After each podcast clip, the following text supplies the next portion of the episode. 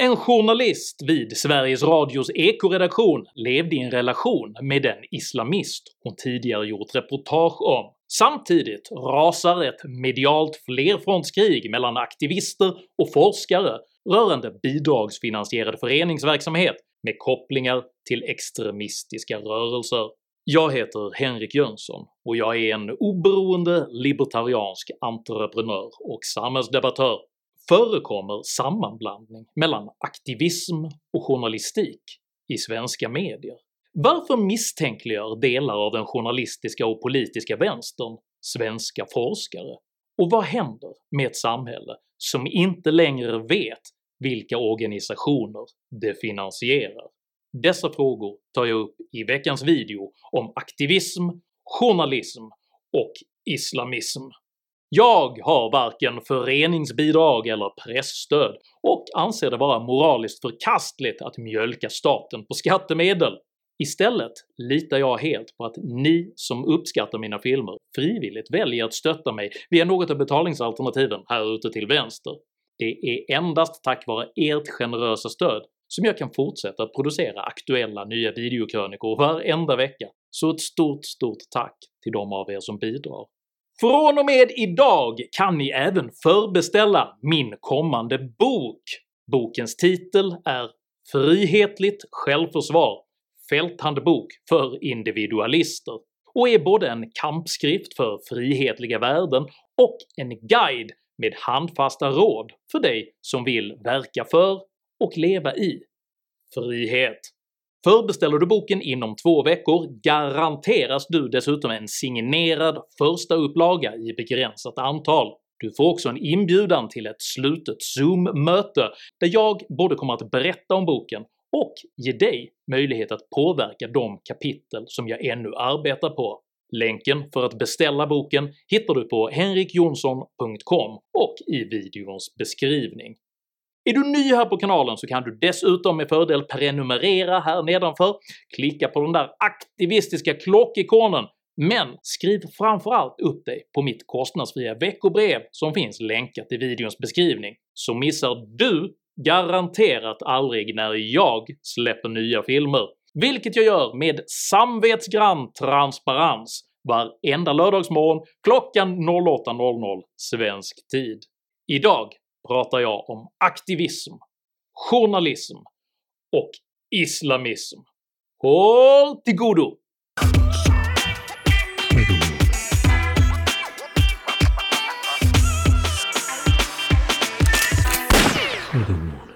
På grund av ämnets känsliga natur vill jag inleda med att understryka att min kritik inte är riktad mot islam som religion, utan emot journalistiska, mediala och finansieringsmässiga missförhållanden rörande organisationer och individer med kopplingar till extremistiska rörelser. Dessa missförhållanden är graverande och värda att ta på mycket stort allvar. Jag vill därför inskärpa att jag inte accepterar rasistiska utspel i mina kommentarsfält. Dessa är kontraproduktiva, distraherar från sakfrågan och ger extremismens försvarare grund för att avfärda även legitim kritik som främlingsfientlig. Tack för att ni som kommenterar respekterar detta. Under hösten 2019 publicerade Sveriges Radio en lång serie kritiska reportage om myndigheternas hantering av utvisningsärenden med kopplingar till islamistiska miljöer. Majoriteten av dessa reportage gjordes av en journalist som senare visade sig ha en relation med en av de inblandade. Som uppföljning på reportagen skickade journalistens mor även ett brev till justitieminister Morgan Johansson där hon framställde sig själv som en oroad privatperson som, efter att ha hört Ekots reportageserie, nu ifrågasatte Sveriges rättssäkerhet. Modern agerade samtidigt som rättsligt ombud för en av de inblandade, som nu även är folkbokförd på hennes adress. Detta är inte journalistik, det är en påverkansoperation Sveriges Radios ansvarige utgivare Claes Wolf Watts uppger att man i oktober 2020 agerade mot journalisten och att vederbörande inte längre arbetar på Sveriges Radio. I skrivande stund finns dock journalistens reportageserie ännu tillgänglig på Sveriges Radios webbsida utan märkning som indikerar att dess innehåll kan vara partiskt. Sveriges Radio har även kraftfullt motsatt sig en extern och oberoende utredning av vad Wolf Waltz betraktar som ett personalärende, detta under förevändningen att Sveriges Radio i egenskap av medieföretag inte lyder under offentlighetsprincipen, samt att en extern utredning av publicistik bryter mot grundlagen. Denna reaktion illustrerar den självupptagna aningslöshet som genomsyrar public service i allt från rekrytering till konflikthantering. För kritiken gäller varken personalpolicy eller publicistisk integritet, det gäller rikets säkerhet. Samma ideologiskt homogena organisationskultur som gör det svårt för public service att skilja på aktivism och journalistik riskerar ytterst att orsaka värre skada än en förtroendekris. Den kan nämligen också infiltreras av säkerhetshot som utnyttjar idealistiska och blåögda journalister för att bedriva desinformations och påverkansoperationer, och detta är på inget sätt första gången som public service-journalister har blandat ihop journalistik och aktivism. I sviterna efter Black Lives Matter-upploppen under sommaren 2020 initierade 39 medarbetare på Sveriges Radio ett upprop som anklagade sin arbetsgivare för att genomsyras av strukturell rasism. Vad ni också tar upp är ju rasism och särbehandling. Eh, kan du ge något exempel? Har du själv råkat ut för det? folk som bor i Sverige som har ett annat ursprung eller en annan hudfärg. Eh, att de, det är ju perspektiv och frågor som vi bär med oss. Det ses lite som särintressen, det ses inte som en norm på redaktionen. Vi måste kämpa tre gånger så hårt och eh, få igenom det eh, i mycket mindre utsträckning eller få eh, att det lyfts fram eller hyllas i mycket mindre utsträckning. Uppropsmakarna krävde sedan en finmaskig rasinventering samt kvotering på rasbiologisk grund. Palmira Kokarimenga, nu vill ni att företaget ska sätta upp ett långsiktigt mål om att minst 25% av medarbetarna ska ha utländsk bakgrund. Sveriges Radio har redan idag var fjärde medarbetare med utländsk bakgrund. Vi efterfrågar också 15% som har utomeuropeisk bakgrund. Alltså vi vill ha en mer finmaskig inventering av vilka de här 26 procenten i sådana fall är. Denna typ av radikalism ligger i linje med så kallade kritiska rasteorier, vilket är en vetenskapligt omtvistad maktanalytisk doktrin. Att journalisterna genom detta aktivistiska ställningstagande undergrävde sin journalistiska trovärdighet föresvävade de inte, och när Sveriges Radio som konsekvens flyttade dem till arbetsområden där deras ideologiska bias inte riskerade att påverka deras arbete i lika hög grad så uppfattades detta som att de tystades med en käftsmäll. På samma sätt korsade SVT-medarbetaren Fredrik Önnevall gränsen mellan journalistik och aktivism när han i samband med migrationskrisen 2014 smugglade in en flyktingpojke till Sverige. Trots att agerandet var brottsligt och rubricerades som människosmuggling bedömde Sveriges Television inte bara Önnevalls journalistiska integritet som opåverkad, utan även att man skulle betala hans rättegångskostnader. Högsta domstolen skrev ytterst ner straffet till 40 dagsböter, och Önnevall lät hälsa att han borde ha friats helt eftersom han hade räddat ett barn. Syftet med detta exempel är inte att misskreditera Önnevall som person, utan att på systemisk nivå problematisera sammanblandningen av aktivism och journalistik. För den aktivistiska kultur som grasserar bland journalister inom statsfinansierad och bidragsstödd journalistik riskerar inte bara att vinkla inflytelserika mediekanalers nyhetsförmedling, utan utgör även en attraktiv måltavla för skrupelfria intressens manipulationsförsök. Sammantaget är alltså risken mycket stor att aningslösa men medialt inflytelserika aktivister låter sig kapas av karismatiska extremister för att bedriva påverkansarbete genom skattefinansierad media. Lenin kallade fenomenet “nyttiga idioter”.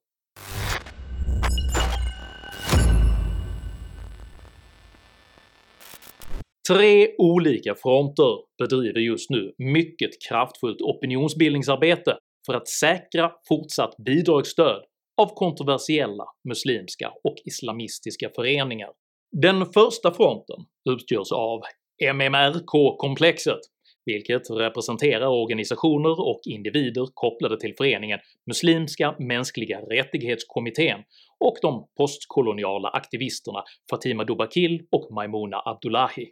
MMRK har tidigare kritiserat för att ha försvarat terroristen Ali Berzengi som 2007 dömdes för pengainsamling för terrordåd i Irak, samt för att ha bjudit in den extremistkopplade brittiska organisationen Cage UK. Komplexets ledande aktivist Fatima Dubakil ingår även i den skattefinansierade opinionsbildningsföreningen Antirasistiska akademin, vars medlemmar återkommande har gjort radikala utspel. Exempelvis hävdade sociologen Adrian Grogloppo 2015 att Folkpartiet bedrev “svensk raspolitik” i sin fascistiska form i samband med att man förordat obligatorisk sexualundervisning för alla skolbarn oavsett religion.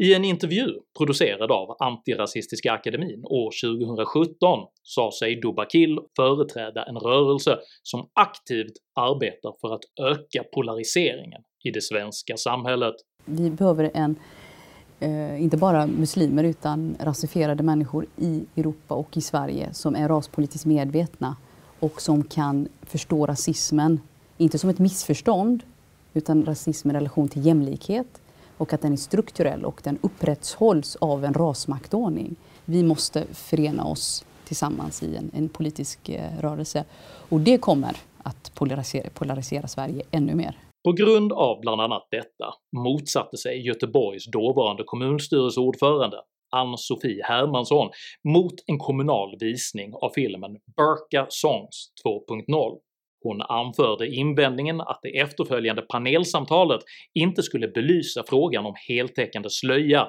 på ett allsidigt sätt, och uttryckte i en serie blogginlägg åsikten att Dubakil och Abdullahi hyste extrema åsikter. Dubakil och Abdullahi svarade med att anmäla Hermansson för grovt förtal med juristen Silas Aliki som ombud. Aliki arbetar för Folkets juristbyrå som har fokus på hbtq-frågor och är även politisk redaktör på den människorättsfokuserade contentplattformen Kontext Press. Kontext Press andra politiska redaktör är Elina Panke som skriver för flera stora svenska tidningar, men även för lokaltidningen Sydsvenskan. Panke refererade under sitt redaktörskap för den antirasistiska tidskriften Mana till Dubakil och Abdullahi som sina favoritaktivister. Rättegången mot Ann-Sofie Hermansson har även en postkolonial hejaklack i den vänsterpartistiska flamman-journalisten America Vera Zavala, som i GP liknade rättegångsförhandlingarna vid “Ghostbusters” Hey, anybody see a ghost? They catch the ghost that won't stay dead. Där de inbjudna sakkunniga terrorforskarna beskrevs som “ett gäng män som suktar efter folkets applåder för att de jagar spöken”. När tingsrätten den 28 februari i år frikände Hermansson tog Vera Zavala detta som bevis på Sveriges postkoloniala förtryck, och Dobakil och Abdullahi överklagade domen. I samband med att överklagandet godkändes publicerar nu Aftonbladet ett mycket omfattande karaktärsmord på en av rättegångens sakkunniga, terrorforskaren Magnus Ranstorp. Den över 15 000 tecken långa artikeln kritiseras mycket hårt för sitt ohederliga bruk av källor och är författad av Elina Panke. MMRK-komplexets sammantagna ambition är nu att offentligt misskreditera alla sina motståndare innan nästa rättegång inleds. Den andra fronten, tro och solidaritetsklustret, domineras av den Stockholmsbaserade föreningen Hjärtat och de socialdemokratiska aktivisterna Mattias Irving och Anna Ardin. Dessa har återkommande tagit strid med både Myndigheten för samhällsskydd och beredskap och med enskilda forskare när deras granskningar står till konflikt med rörelsens ideologiska övertygelser Föreningen Hjärtat är en del av det föreningskluster som en gång i tiden kallades Broderskapsrörelsen, vilket var en förening för kristna socialdemokrater.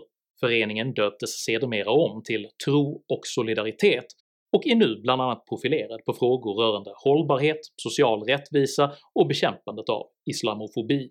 För att stärka sin relation till just muslimska väljare valde Broderskapsrörelsen 2011 att tona ner föreningens skrivningar om hbtq-rättigheter, och redan 2005 rapporterade Sveriges Television om Broderskapsrörelsen så här. Socialdemokraterna jagar röster med hjälp av en muslimsk ledare som vill ha speciella lagar för svenska muslimer.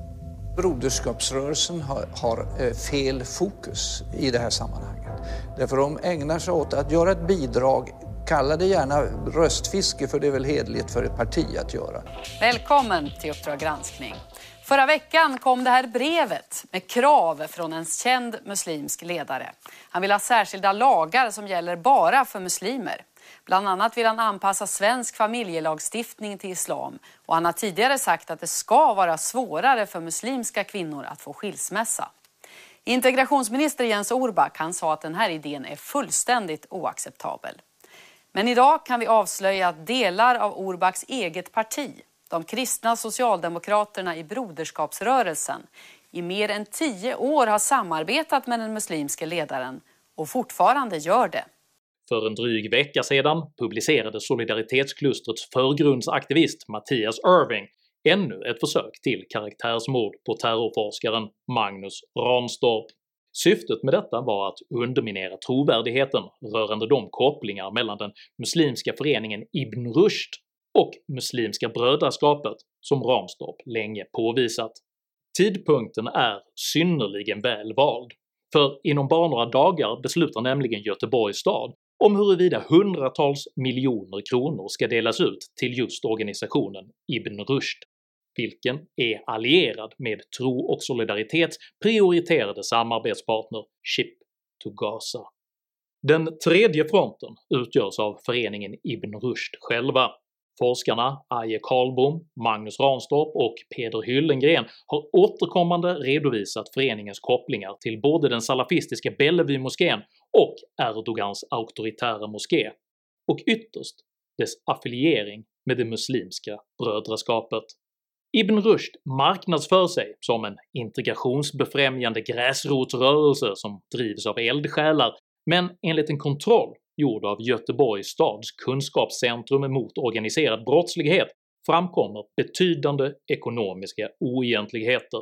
Föreningens fasta kostnader ökade under räkenskapsåret 2019 med 200% och personalkostnaderna med cirka 40%.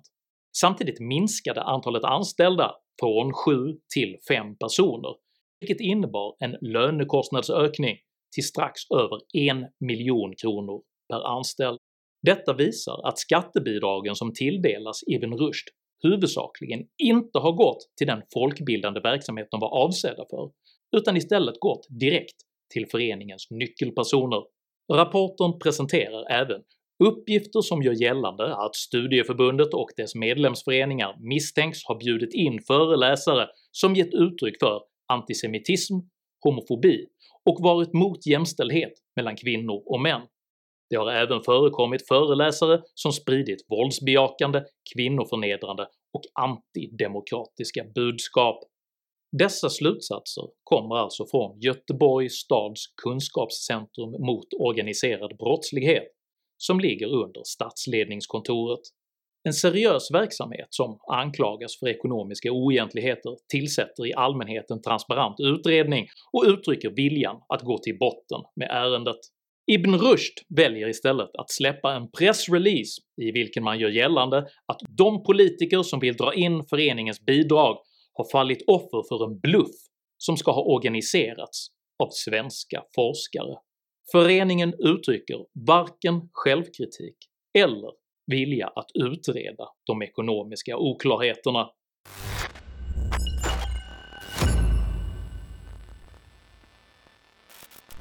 Hur kan då så många svenska politiska och journalistiska aktivister solidariserar sig med en så anmärkningsvärt apart verklighetsbeskrivning att man bedömer det rimligare att tro att svenska forskare organiserar en desinformationskonspiration än att acceptera redovisade oegentligheter i en aktivistisk förenings ekonomi. Jag fick ett samtal med terrorforskaren Magnus Ranstorp. Hej Magnus Ranstorp! Du är terrorforskare. Vad gör en sån? Ja, en terrorforskare försöker förstå um, varför terroristerna gör vad de gör och uh, också vad man kan göra för att åtgärda detta. Och det gör vi genom att uh, vi pratar med dem som jagar terrorister, vi tittar på förundersökningsprotokoll, vi går ner i arkiven, vi tittar på kontexten och uh, vi tittar också på motåtgärderna. Hur granskas terrorforskning? Och jag menar, det är ju angeläget om man ska göra ett utspel och anklaga någon för att vara terrorist, att man har mycket på fötterna. Hur genomlyser man den forskning som ni gör?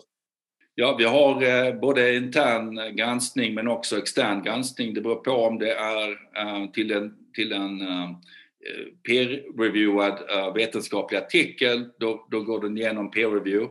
Eh, eller om eh, det är uppdragsforskning, då går de igenom myndigheternas eh, egna kontrollsystem. Det finns ju liksom en, en process här som, som gör att vi påstår ju inte saker och ting som inte, som inte vi är övertygade om har, har någon grund i antingen forskningen eller från de informanter som vi har fått information från. Hur ser du på den kritik som den senaste tiden har riktats mot dig och din forskning i media?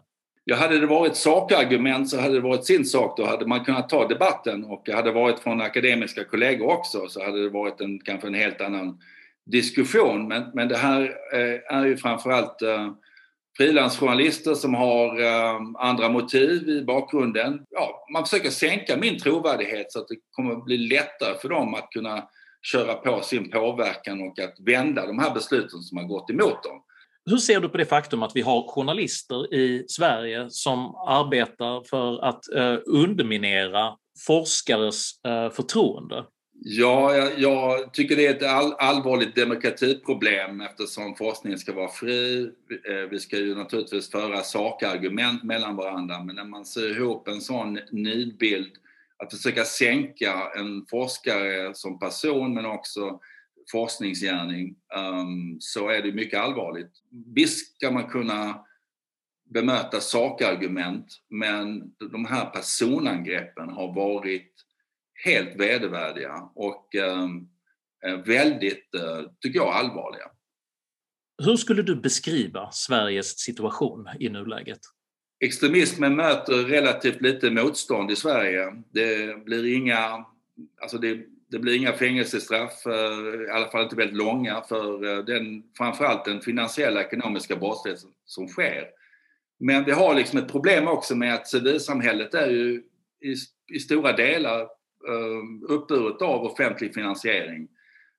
Den är på konstgjord andning. Och jag tycker det blir lite problematiskt att hela civilsamhället i stort sett får eh, statliga, regionala, kommunala bidrag. Liksom systemfelet som finns i Sverige är att det är ingen som följer upp den offentliga finansieringen som sker. Ehm, det är ingen uppföljning, det är ingen revision. Det är inte eh, en frågeställning, vad får vi för pengarna? Ett gemensamt drag för alla dessa aktivister är att de hyser en maktstrukturanalytisk verklighetsbild från detta perspektiv betraktas hela det västerländska samhället vara byggt på förtryckande maktstrukturer som gör överordnade individer oförmögna att varsebli sina egna privilegier.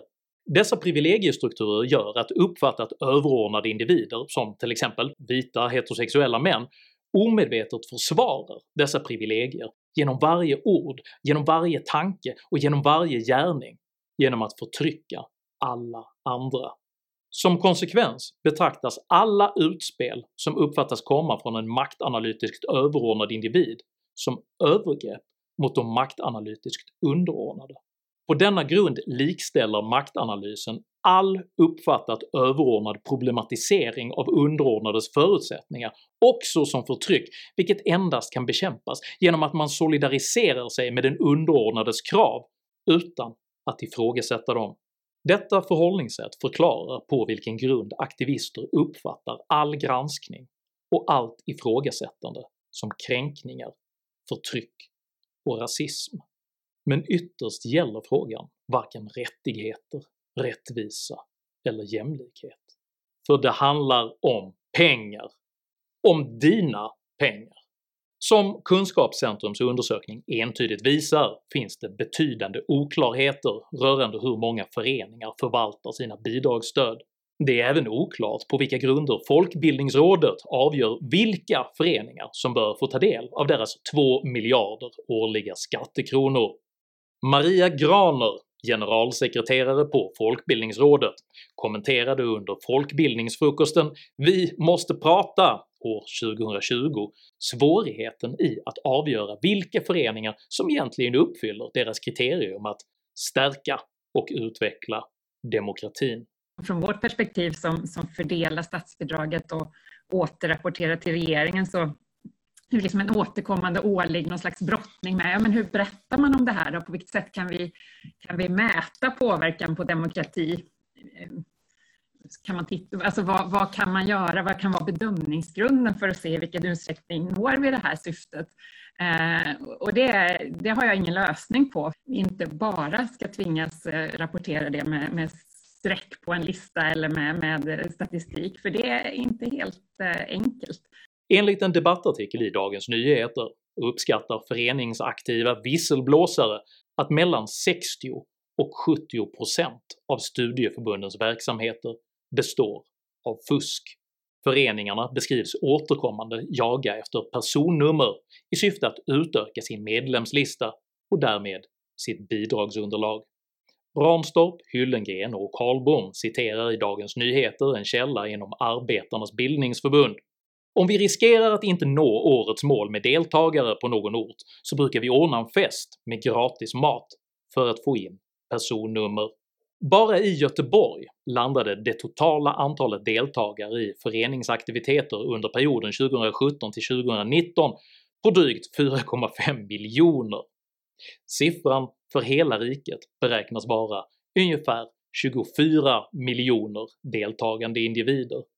Det är befängt att motsätta sig en genomlysning av dessa orimliga och bidragsgrundande siffror under förevändningen att detta skulle utgöra rasism. Ideologiskt innehåll är irrelevant i ärenden gällande ekonomiska oegentligheter Oavsett om du driver en frimärksklubb eller rikets största Hare Krishna-förening så gäller samma regler. Skattemedel kan inte på otillbörlig grund försnillas, och i den mån som medialt högljudda aktivister befarar att en granskande reglering av bidragsutbetalningarna skulle förfördela speciellt utsatta grupper vill jag härmed föreslå ett både radikalt och fullständigt rättvist förslag. Avveckla allt stöd till alla föreningar.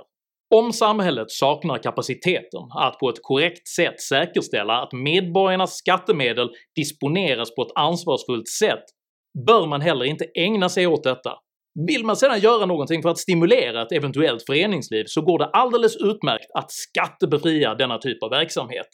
Under denna typ av ordning så koncentreras inte kapital på ett sätt som attraherar bedragare. Man upphäver dessutom i ett enda slag möjligheterna till eventuellt förtryck av enskilda föreningar eftersom alla föreningar måste existera på sina egna meriter och på grund av ett verkligt folkligt stöd. De verksamheter som enligt egen utsago dessutom har flera miljoner deltagare kommer inte att ha några som helst problem att överleva utan bidrag på en skattebefriad föreningsmarknad. Men en meritokratisk ekonomisk ordning av denna typ har socialister i alla tider betraktat som den yttersta formen av förtryck. Förtrycket att den inkompetente inte får ta den kompetentes pengar.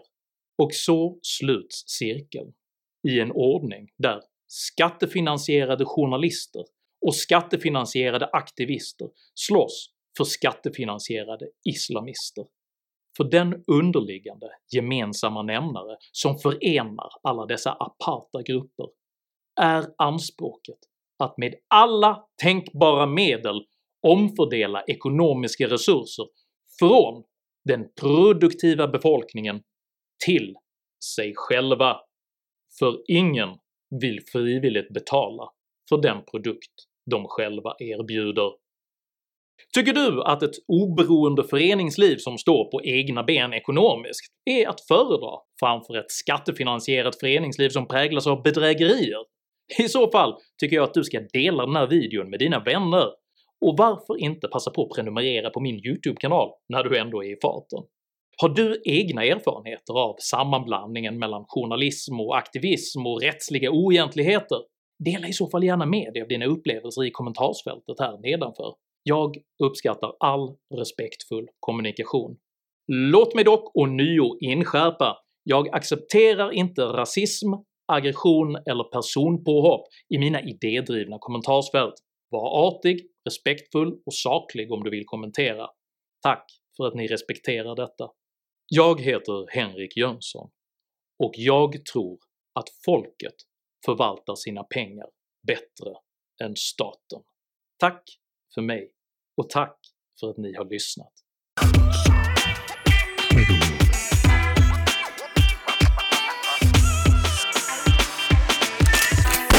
Mm.